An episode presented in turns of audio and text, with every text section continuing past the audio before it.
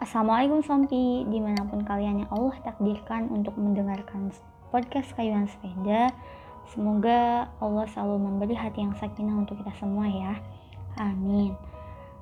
Sekali lagi terima kasih yang banyak banyak banyak banyak karena sudah mengapresiasi dan menghargai kayuan sepeda.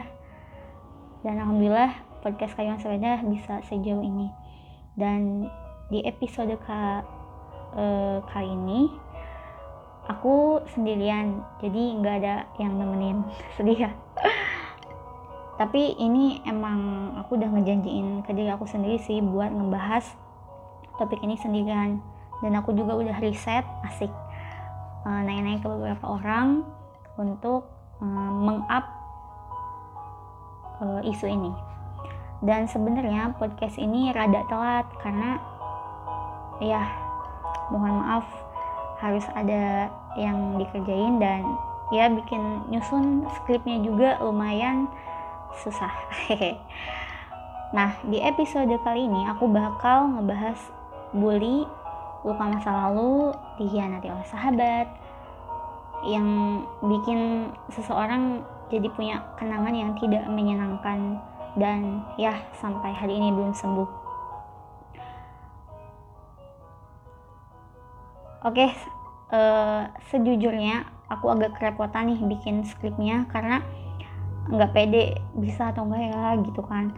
Tapi lagi-lagi karena udah janji sama diri sendiri dan plusnya ada yang nagih juga kapan di up uh, podcast ini atas izin Allah alhamdulillah selesai dan sebelumnya aku pengen bilang makasih banyak ke orang-orang yang terlibat dalam pembuatan skrip ini karena aku banyak riset buat nanya dan tanpa diskusi sama kalian podcast ketiga random discussion kali ini mungkin gak akan rilis. Kontoni arigato gozaimasu. Oh ya sebelumnya mau bilang kalau uh, aku backgroundnya bukan dari psikologi karena aku anak kimia. Aduh anak kimia. Tapi interest sama isu-isu tentang mental illness yang berbau uh, ya bidang psikologi juga. Nah, jadi besok kalau setelah podcast ini udah diupload, ada yang menyangkal atau nggak sesuai, jadi langsung DM aja ya ke tumblrnya Kayuhan Sepeda atau Instagramnya, oke? Okay? So, apa sih alasan aku uh, berani banget buat nge-up isu ini? Karena jadi itu akhir-akhir ini aku lagi baca dua webtoon yang wah hangat banget jadi genrenya itu kebetulan tentang psikologi juga pembulian dan ya dihianati oleh sahabat. Nah judul dari webtoonnya ini namanya Knitting Room sama Revenge Girl. Oke singkatnya aku jelaskan sinopsisnya dulu deh ya. Nah kalau judul webtoon knitting room ini uh, sinopsisnya ada seorang perempuan yang namanya tuh Hyun tinggal berdua dengan kakak yang sangat disayanginya. Kehidupannya hangat karena ia tinggal bersama kakak yang selalu menjaganya. Plusnya dia memiliki sahabat yang dekat. Tapi singkat cerita kakaknya meninggal ditabrak dan secara tidak sengaja Hyun menemukan di adik kakaknya dan kakaknya menulis, aku sudah tidak kuat dan tidak percaya diri lagi. So ada dua kemungkinan dia ditabrak atau memang menabrakkan diri. Nah kebetulan ini belum selesai uh, episodenya. Jadi tiap episode itu bikin hangat banget deh ke hati dan terharu. Dan ini nggak lebay sih, tapi beneran bikin air mata keluar. Serius deh. Kalian juga harus baca ini. Oke lanjut.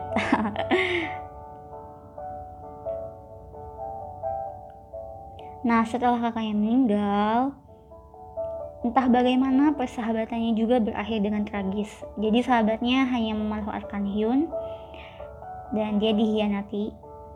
Nah, pada akhirnya Hyun menjadi pribadi yang tertutup, namun beruntungnya dia bertemu dengan seorang nenek penjual boneka benang rajut yang benar-benar baik dan hangat si nenek ini tuh aduh pokoknya jadi Hyun itu berat di saat terakhir kakaknya meninggal dia malah melihat tulisan yang seharusnya nggak dilihat dan itu jadi trauma sendiri dan saat dia punya teman yang dipercayainya dia malah pergi sehingga membuat dia menjadi pribadi yang tertutup dan susah untuk terbuka kepada orang lain. Nah, kalau kalian penasaran, langsung aja baca, oke? Okay? Oke, okay. kalau sinopsis Revenge Girl ini, jadi ada dua sahabat yang bertemu yang punya karakter yang berbeda. Karakter utamanya namanya itu Sarang. Dia adalah selebgram tapi punya penyakit yang unik gitu loh. Nah, pada awalnya banyak penggemar tapi karena fitnah ya lagi-lagi netizen ya yang tidak menyukainya akhirnya banyak yang membencinya dan akhirnya dia bertemu dengan sahabatnya yaitu Enjo namanya uh, yang memiliki karakter tertutup dia punya masalah keluarga jangan cerita tapi dia adalah orang pertama yang membela Sarang ketika Sarang dibully oleh netizen. Dan ketika teman sekelasnya juga tidak ada yang membelanya. Sedih banget pokoknya. Nah kalau kepo silahkan baca langsung aja oke? Okay? karena uh, dua judul webtoon ini yang jadi alasan aku kenapa berani mengap isu ini. Karena aku pikir ini sangat relate banget dengan kehidupan sehari-hari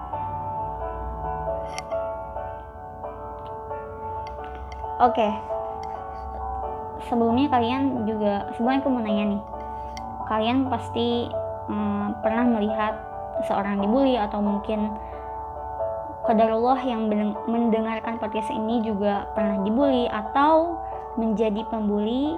Ya oke. Okay, kalian bisa menanyakannya pada hati kalian masing-masing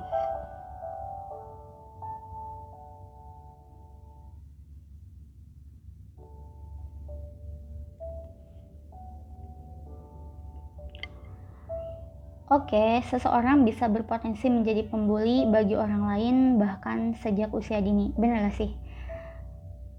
Ya, dan ini menarik setelah aku mencoba riset dan diskusi dengan teman-temanku yang dulu pernah jadi korban bully dan ya pernah jadi pembuli juga. Oke, aku akan menceritakan uh, dari sudut pandang keduanya.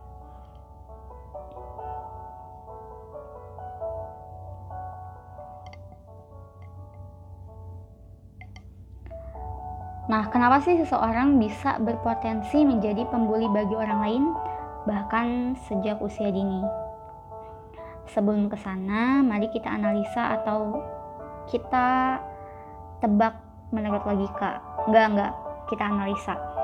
Nah, menurutku kenapa seseorang berpotensi menjadi pembuli, alasannya adalah karena dia pernah memiliki luka yang sama, pernah ditindas dan tidak ingin terulang lagi, sehingga uh, dia menjadi pembuli. Misal nih, saat TK atau SD dia dibully dan memasuki SMP atau SMA bisa jadi dia menjadi pembuli.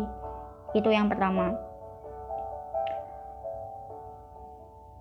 Kenapa kayak gitu? Karena aku nanya ke temanku yang pernah jadi pembuli. Pas ku tanya alasannya apa, ya alasannya adalah dia pernah jadi korban saat pembulian saat di SD dan pas SMP dia malah jadi pembuli aduh ini emang. Karena katanya dia gak mau ditindas. Jadi orang tuanya itu bilang kalau gak mau ditindas atau dibully ya harus dilawan. Dan lucunya kata dia lagi nih yang bilang orang tuanya itu ngasih nasihat satu meter malah dia lebihin jadi 7 meter. Nah kan kawan ya. Nah yang kedua mungkin karena ada masalah di rumah bisa jadi dia broken home dan dia bingung untuk mengep mengekspresikannya ke mana. Jadilah pembuli. Ada juga yang berpikir sebagai kebahagiaan atau kepuasan diri.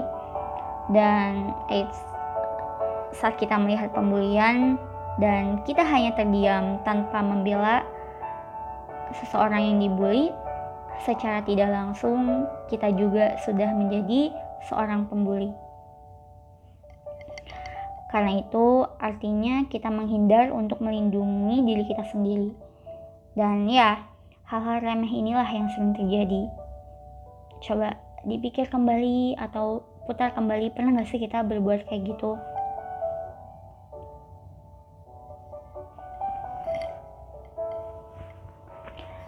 Oke, terus kenapa sih seorang berpotensi dibully? Pertama, karena dia berbeda dari yang lain. Misal, secara fisik atau mungkin uh, dia pintar, terus ya dijauhi. Itu hal-hal yang kayak gitu, hal yang aneh dan hal kecil remeh temeh itu bisa berpotensi untuk dibully. Kayak aku juga di keluarga dibully sebenarnya, karena aku cadel, ya itu sering dibully oleh kakak. Oke, skip Aku akan menceritakan pengalaman aku saat SD. Jadi uh, emang rawan banget sih usia-usia SD itu untuk ngebully teman-teman. Karena ya alasannya adalah mungkin untuk kebahagiaan saja atau mungkin beberapa alasan yang udah aku ungkapkan tadi. Nah, jadi di kelas ada uh, temenku cowok ya. Dia tuh berbeda dari yang lain berbedanya tuh ya secara fisik kemudian dia agak lalawad juga. Lalu ada apa? Lama loading gitu kan kalau belajar kayak gitu. Ya terus jadi bahan bulian uh, oleh teman-teman sekelasku oleh cowoknya. Parahnya dibulinya tuh sampai diludahin terus di apa sih ditendang. Wah itu parah banget sih sampai ya kursi di apa? Kursi di kursinya ditendang terus uh, kena kena badannya itu ya ampun sakit banget gak sih? Ya Allah. Nah aku sama teman-teman perempuanku ya pastinya apa ya kasihan ya. Pastilah kasihan. Tapi nya teman-teman perempuanku tuh nggak ada yang ngebela gitu. Mereka kayak aduh aku juga takut gitu kan. Mau ngebela tapi takut gitu. Nah terus tuh nggak tahu kenapa dari rasa kasihan itu tuh aku berani banget bilang gini eh kalau kalian jadi dia mau nggak? gitu. Sebenarnya itu takut juga tapi tahu nggak kodarullahnya pas aku bilang kayak gitu tiba-tiba guru datang dan selesai pembulian itu maksudnya nggak nggak dibully gitu. Tapi alhamdulillah nggak berefek apa pun ke aku sendiri karena ya aku ngebelain dia dan aku juga nggak ngelapor ke guru. Jadi apa ya mungkin karena aku ngebela ya ngebela kebetul nggak kebetulan emang aku berani ngebela terus aku nggak bilang ke guru kode ruahnya ya dia nggak dibully lagi. Karena mungkin ya mungkin teman-teman cowokku tuh takut aku ngebilangin ke guru padahal aku bukan tipe orang yang kayak gitu gitu. Asik. Nah. Tahu nggak sih kalian pembuli di dunia ini? Siapa pun kalian yang pernah ngebully orang lain bully itu efeknya tuh jangkanya tuh panjang banget. Oke mungkin si korban ada yang up. Maksudku bisa jadi si pem, apa ya e, masa lalunya itu bisa jadi bantu batu loncatan untuk dia show up dan lebih baik lagi dibanding si pembuli. Bahkan ketika aku nanya juga riset gitu kan. Aduh riset lagi bahasanya. Nanya ke temenku yang pernah ya jadi korban bully. Dia pernah dibully dan dia sekarang udah jadi seleb selebgram ya he or she better than si pembuli gitu.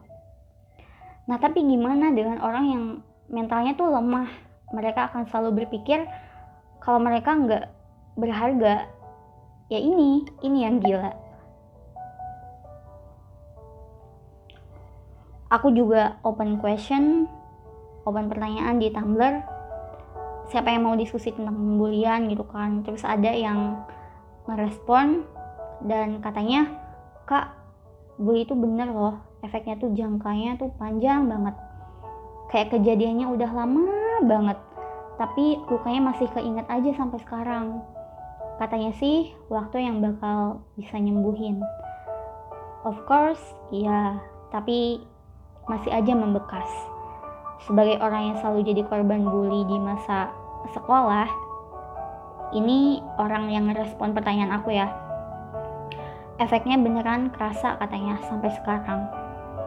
Kayak masuk grup-grup alumni gitu kak, atau ada acara uni, beneran gak mau datang atau join. Papasan di jalan pun langsung ngehindar. Segitunya kak katanya. Bully itu memang efeknya bahaya banget. Gak hanya ke korban bully, tapi juga pelaku bully.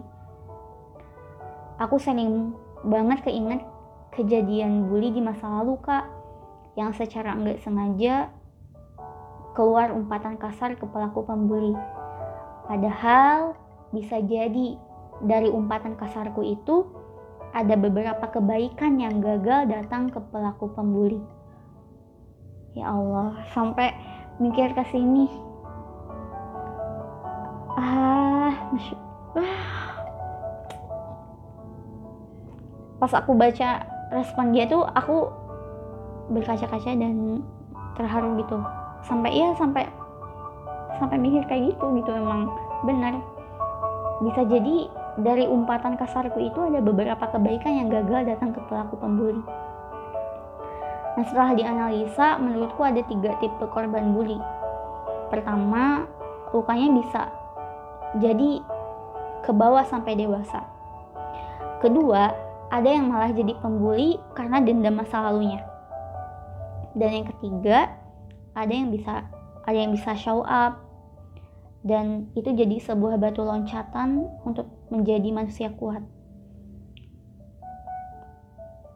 Dan tipe ketiga ini menurutku pasti ada dukungan dari orang-orang yang menyayanginya.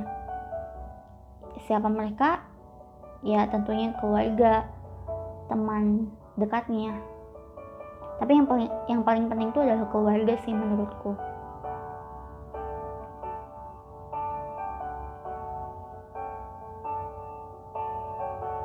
Oke kita udah bahas tiga tipe korban pembuli eh tiga korban yang dibully. Nah untuk para pembuli di luar sana. Ingat dunia tuh nggak berputar di kamu. Aku diskusi masalah ini sama salah satu teman dekatku yang pernah jadi korban bully. Dan aku minta saran ke dia apa sih yang kamu pengen sampaikan ke orang-orang yang pernah ngebully di luar sana dan ini jadi alasan kenapa aku berani juga buat bikin podcast ini. Karena dari korban pembulian bakal terjadi hal-hal yang benar-benar membahayakan.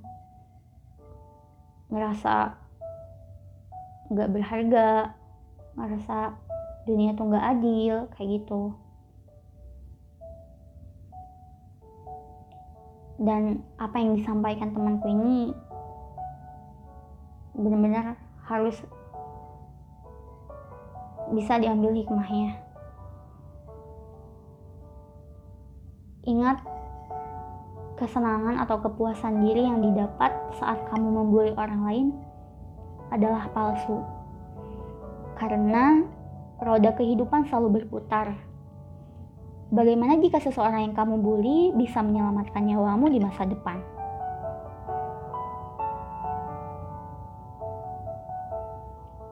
Dan buat kamu, jangan takut untuk membela orang yang dibully.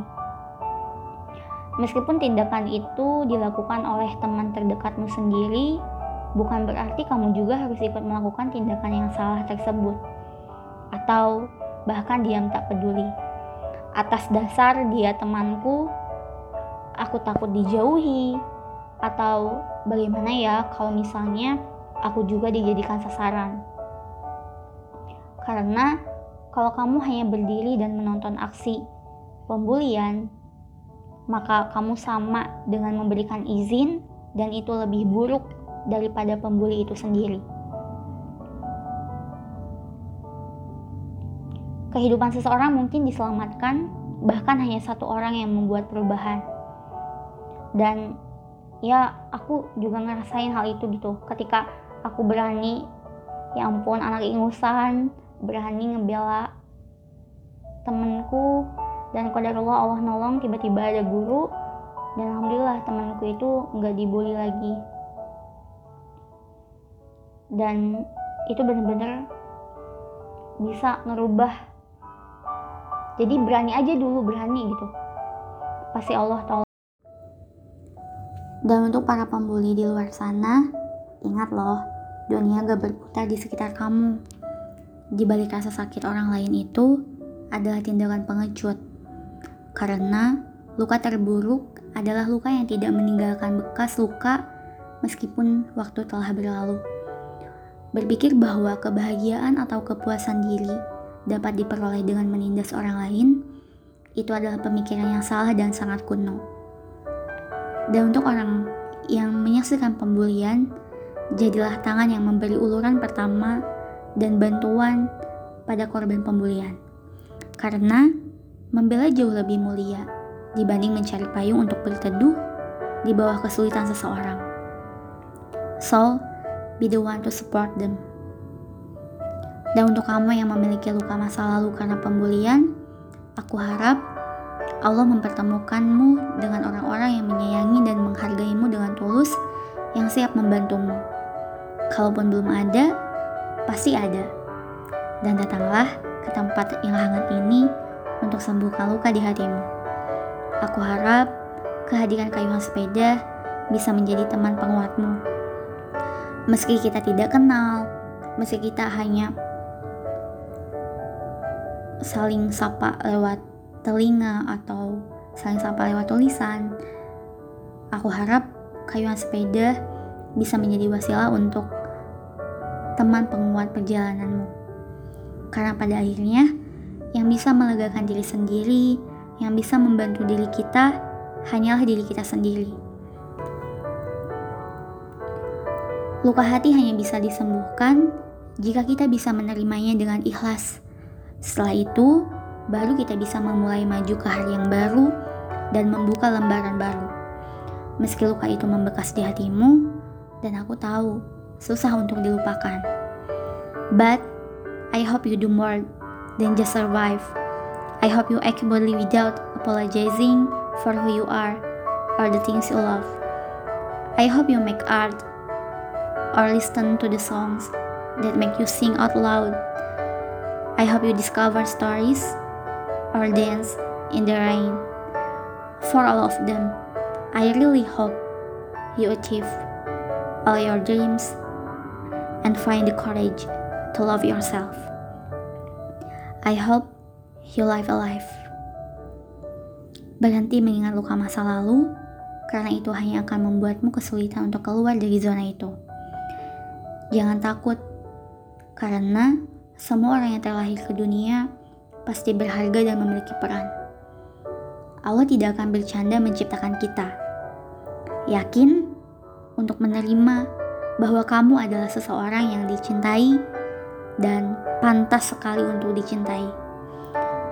Karena dunia seperti itu telah menunggumu. Terakhir, besok atau lusa kita akan menjadi orang tua. Education yang pertama adalah dari orang tua menurutku. Dan itu sangat perlu. Dan kita juga harus selalu mengontrol lingkungan anak-anak kita. Dan of course supaya kalau dikasih nasihat satu meter enggak ngelebihin jadi 10 meter.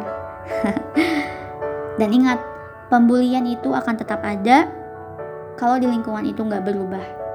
Jadi buat kamu yang punya luka di masa lalu karena pembulian jangan merasa sendirian lagi ya dan untuk kamu, para pembeli di luar sana,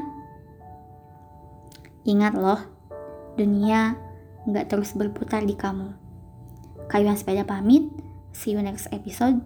Wassalamualaikum warahmatullahi wabarakatuh.